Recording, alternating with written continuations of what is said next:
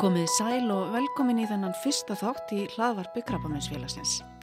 Í þessum þáttum munum við fjalla um allt mögulegt sem tengist betri heilsu og líðan.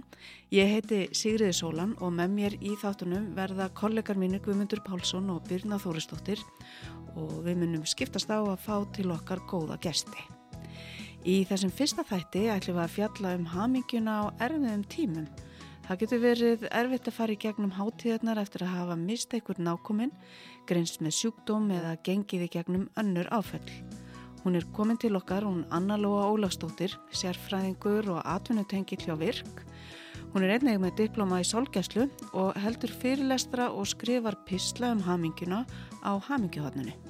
Vertu hjartanlega velkominn, Anna Lóa. Já, takk fyrir það. Þú er fjallað heilmikið um haminguna á erfiðum tímum. Já, sko, uh, ég hef verið að tala um uh, þetta er tími núna, þessi tími desember sem er oft erfiðu tími fyrir fólk. Og hann er sérstaklega erfiðu fyrir þá sem er búin að fara í gegnum erfiðleika eða, eða ekkur áföllu árinu.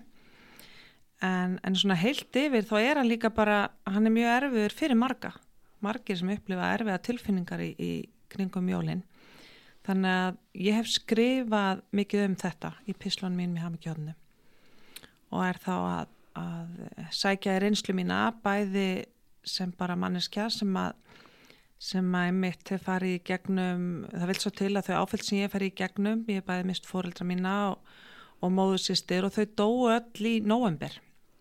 Þannig að sorgin var svolítið ný uh, þegar þetta gerist á þessum, á þessum ástíma. Þannig að bæði sæki ég bara í eigin einslu en svo sæki ég líka bara í fæi mitt þar sem ég lærði sálgjastlu og, og, og fjalla svolítið um það hvernig það takast á við erfilega í lífinu. Mm -hmm. Er jólinn og áramótin sérstaklega erfið fyrir fólki þessari stöðu? E, já, það er náttúrulega allir þessi tímamót sem að reyna oft á fólk. Það eru jóla áramót og það eru ammalistagur og dánardagur og, og fólk staldrar oft við þessi tímamót og það er náttúrulega kannski ekkert uh, skríti við það. Jólinn og áramótin eru uh, oft hátilegu tími en tími líka tilfinninga. Við erum svolítið að, að, að nota þennan tíma með fólkinu sem okkur þykir væntum og, og við erum ofta að upplifa hefðir sem að hafa jafnvel farið í gegnum kynnslóðunar og við erum að gera upp árið og og við erum að horfa fram, fram, á, tíma, fram á nýja tíma og þetta getur bara verið erfitt þegar allt er breykt af því að áföll og erfið tímar eh, enginnast af breytingum. Það er svolítið eins og maður er bara kannski lengt í kvirvilbil og maður er kannski ekki enþá búin að ná fótföstu og þannig að, að þá er erfitt að alltaf fara að halda upp á eitthvað tímamót sem eru mörguð af því að vera alltaf eins þá vantar ég að byrja eitthvað um, ef við höfum mista árinu eða höfum farið í gegnum skilnað eða höfum verið greint með eitthvað veikindi þá er maður sem getur komið hana til. Að þá erum við kannski þá er allt breytt og þá er maður svo myndur á hvað allt er breytt þegar maður fyrir að halda upp á þessi tífamót sem að eru kannski alltaf bara svolítið eins. Og svo er það vendingar okkar. Við kannski sjáum eh, bara þegar við til dæmis, ef við mist eitthvað þá finnst okkur eitthvað neðin og upplöfum að allir séu eh, gladir með sínum fjölskyldum og maður er myndur á það hvað fjölskyldaskiptum á miklu máli. Þeir sem eru, það var jæfnvel skilið árinu, eru myndur á það að, að, að, að það eru allir svo ofubosla hamingjusamlega giftir í kringu þá að sko, maður upplifið það þannig þó það sé náttúrulega allur gangur á því. Þannig að ég segi oft við fólk sko það sem að kannski gæti uh, verið gott á þessum tíma það er akkurat að vera ekki upptekina því að jólin eða áramöndin eigi að vera okkur nákvæðin hátt. Við erum sjálfa að fara gegnum breytingar og þá er ekki óeðlilegt að, að hlutinni breytist í kringum hann. En það er engin ein leiðsamt sem er, eru mjög uppteknir að að mitt að hafa hlutina nákvæðin eins og það er alltaf verið og mann aðrir hafa mjög mikla þörf fyrir að gera eitthvað allt annað og það er ekkert eitt rétt í þessu þannig að við þurfum að passa okkur á á þessum tíma um þetta að þraungva hvorki okkur niður öðrum inn í eitthvað svona ákveði ferli að því að hérna að því að það sem að hendar mér þarf alls ekki að henda þér Mm -hmm. Nú ef við, ef við tölum um bara þegar fólk missir og er að kannski fara í gegnum fyrstu jól eftir missi mm -hmm. um, þá getur hérna, þessi tími kannski reynst er, lengja líða og, og margir jáfnvel kannski bara býða eftir að janúar komi til að komast inn í einhverja rútínu mm -hmm. hvað, hérna, hvað ráðáttu fyrir þessi einstaklinga? En þarna komstu einmitt bara mjög eiginlega ómeðvitaður mjög gott ráð að vilja komast inn í þessa rútínu það sem að enkenir uh, áföll er þetta stjórnleysi. Þetta er svolítið eins og sjálfræða svifting. Þetta er eins og fótonum sem er unni kift undan þér og þú eiginlega veist ekki hvað snið fram með aftur og það er þetta stjórnleysi sem að reynist okkur svo erfitt. Þannig að ég er álík oft fólki að hafa, reyna að hafa ákveði jafnvægi á millið þar sem það náttúrulega nýtur jólana og nýtur þess að vera með fólki en að það er líka tíma til að vera, e, að vera einn eða einn með sjálfum sér og, og kvíla sig að því að sorgin og áfellur orku frekustu aðstæðir sem að maður tekst á við.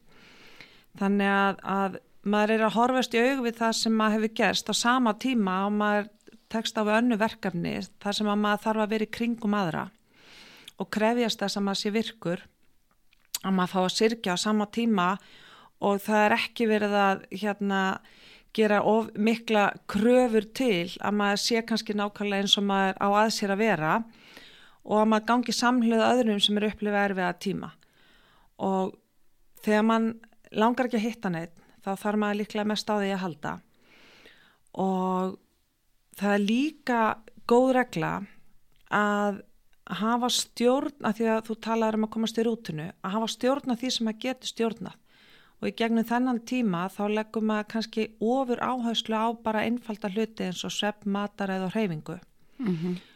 og ef maður getur haldið því til streitu í gegnum jóla áramót og, og aðeins lækkað væntingastöðulinn að þá er maður að gera það sem maður getur gert mm -hmm.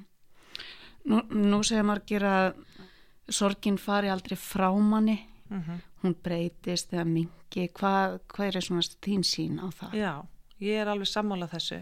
Sko sorgin breytir manni og hún lifir með manni en hún fer aldrei frá manni og ég uh, segi gjarnan að maður, það, maður hefur svo gott að því að vinna sig í gegnum sorgina, maður getur ekki flýtt þessu ferli, maður verður að vinna sig í gegnum þetta ferli og maður þarf stundum að fara flóðhestaleðina og flóðhestar fara sér mjög hægt.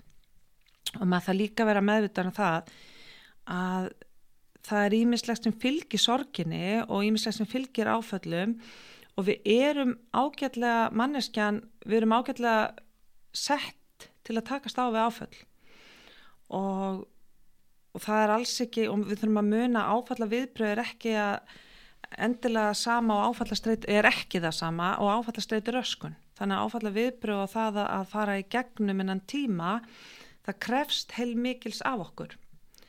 En þýðir ekki að við komist ekki gegnum innan tíma.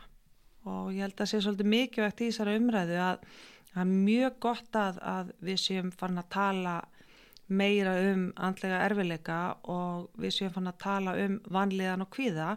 En við þurfum líka að að vera meðvitu um að marta því sem við um, upplöfum í gegnum áföll að það er bara mjög eðlilegt. Mm -hmm.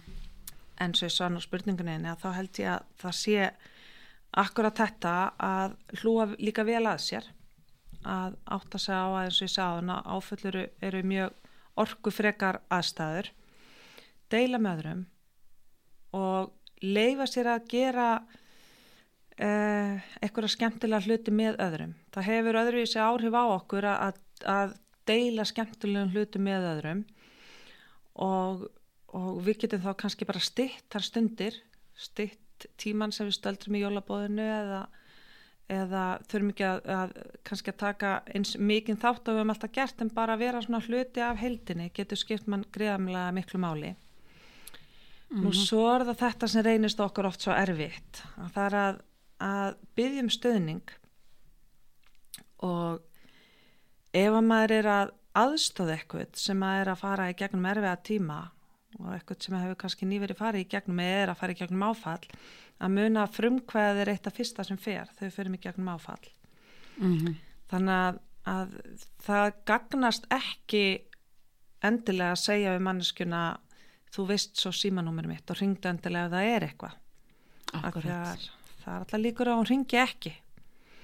Og ég segi stundum að þú vilt hjálpa og vera til staðar þá er líklega besta fól, hjálpun fólkinni því að segja ég var að hugsa um að koma við hér á förstu daginn klukkan 5 við getum farið út að lappa og svo kem ég með eitthvað sem við getum borðað eftir á þá ertu komið með reyfinguna þú ert komið næringuna og þú ert komið með stuðningina með því að hlusta á viðkomandi mm -hmm. Þetta er frábært ráð mm -hmm. Þegar ég talaði við þig fyrir þáttinn þá og spurði þig svona hver var þenn grunnur þá er þetta þenn grunnur sálgæsla mm -hmm. segð mér aðeins um þá hvað er nákvæmlega sálgæsla? Mhm, mhm. Ég fór í e, sálgæslu sem sett í framaldi ég er náms- og starfsakjafi og fannst e, mig vanta svona meiri svona dýft í hérna fæi mitt, þannig að ég skráði mig í sálgjastlu og sálgjastla er í rauninni uh, ég útskýriði vil tannig að það er að vera samferða fólki þegar að fara í gegnum erfiða tíma.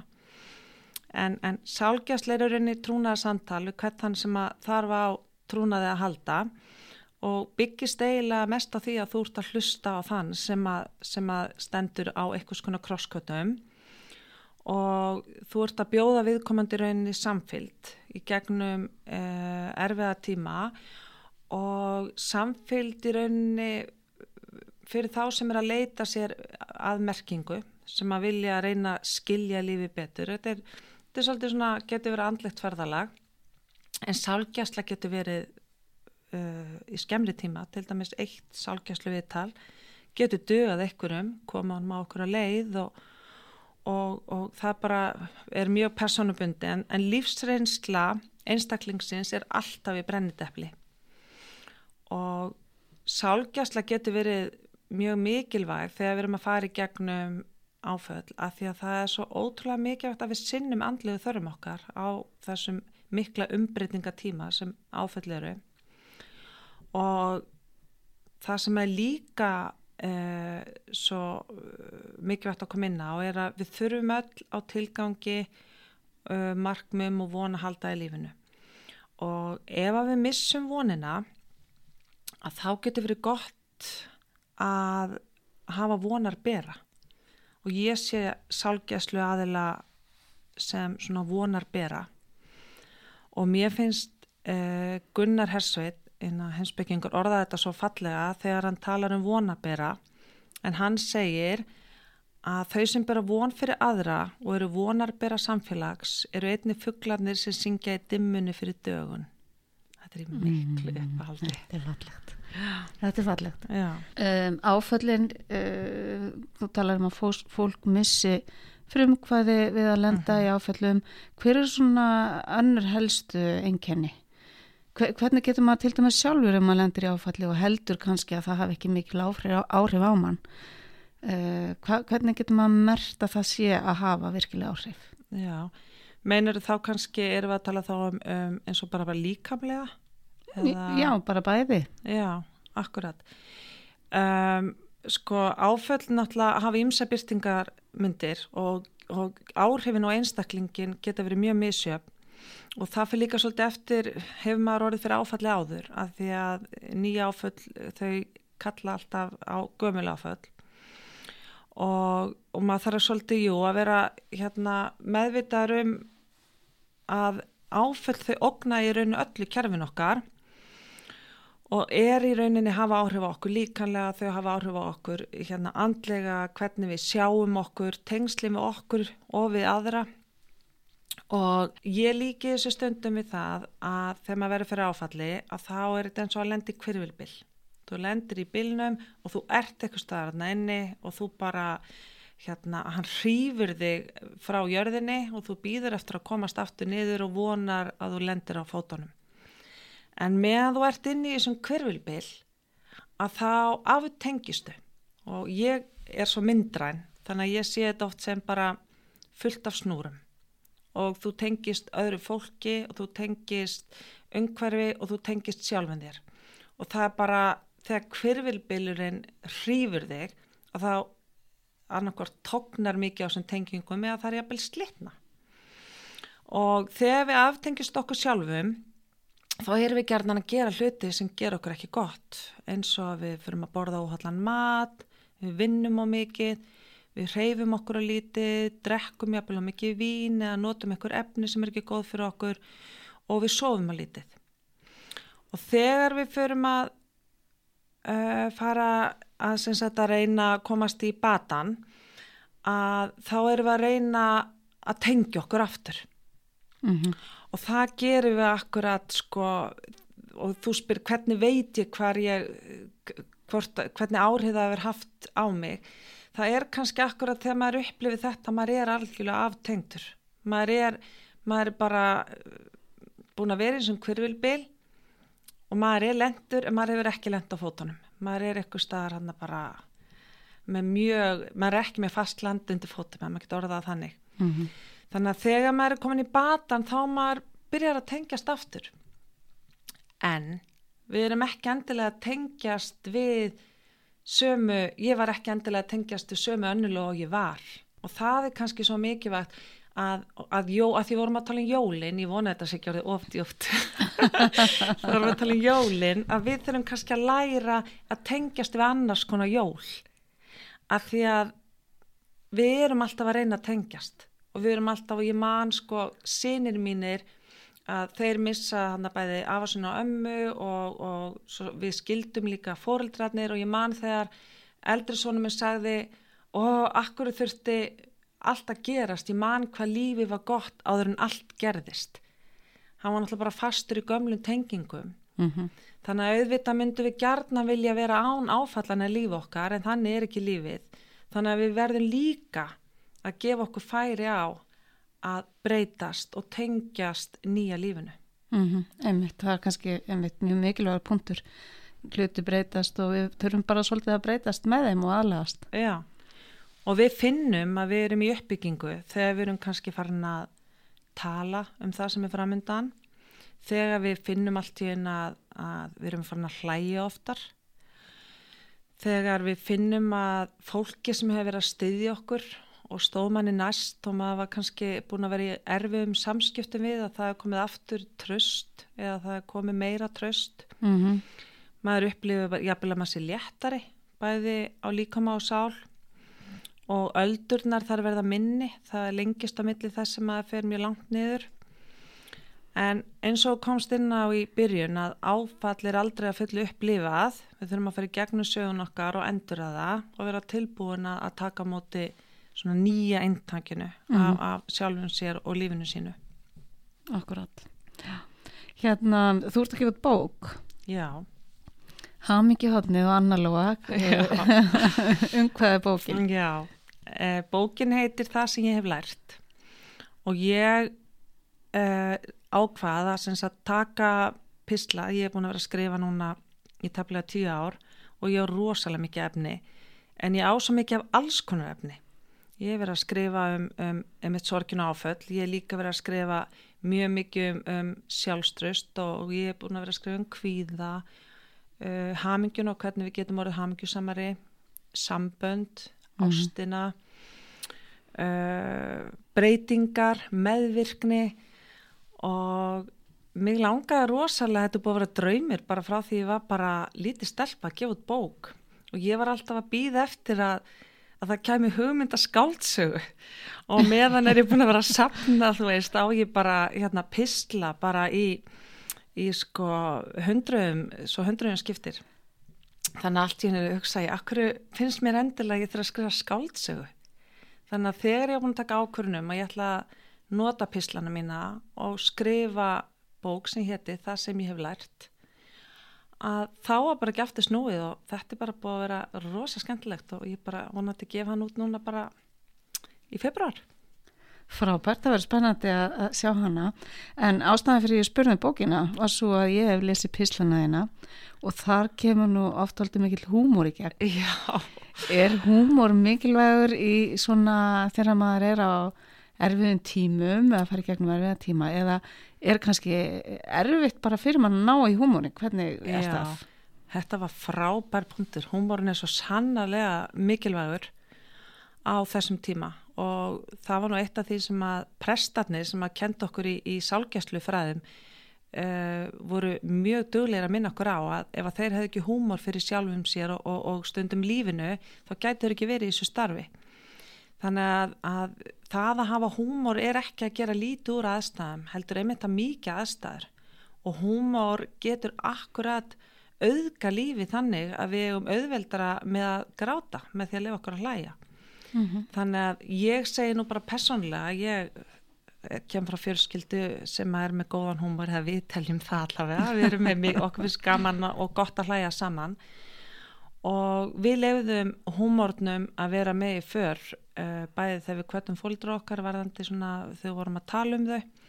Þegar þau voru kvött í kirkjunni sem er reyndar orðið algengara í dag að það er bara karakterin far meira að skýna mm -hmm. í gegnum minningarorð og, og og sem betur fyrir hafa flestir einstaklingar átt stundir sem er hægt að tala um að, svona, á léttanhátt og uh, líka bara að, að minnast uh, skemmtilegra tíma þannig að, mm -hmm. að húmórin, maður þarf ekki að ég segi gerna það þarf ekki að vera alvarlegur þó maður sé að fást við alvarlega hluti eða tala um alvarlega hluti en auðvitað getur við alveg farið í gegnum tímabil það sem að er svolítið grönt á húmórnum og að þú minnist nú á þetta þá var ég myndi að hlusta á konu sem að var að tala um að, að hún hló mjög mikið í stöðningshóp annara sem að voru í sömu aðstæðum hún, hún aðeins mist manni sinn og hún fór í stöðningshóp og þar var hleyið mikið því hún segði að það var eins og engin annar fyndi það hjá sér að hlæja með mér.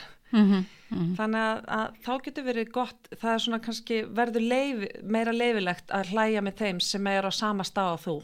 Akkurat, akkurat. En húmórin er, er jú mjög mikið vegur Ummitt og svo náttúrulega er það hitt að þegar maður bregst við með hlátrið þegar í sorg og, og kannski öfugt, hvað er það? Já, mér finnst mjög merkilegt að horfa stundum á það eru, það eru myndböndin á netinu sem eru gefn, gefin út af hernum. Þannig að það sem verið að sína þegar herrmenn, bæði konur og menn er að koma börnunum sínum á óvart.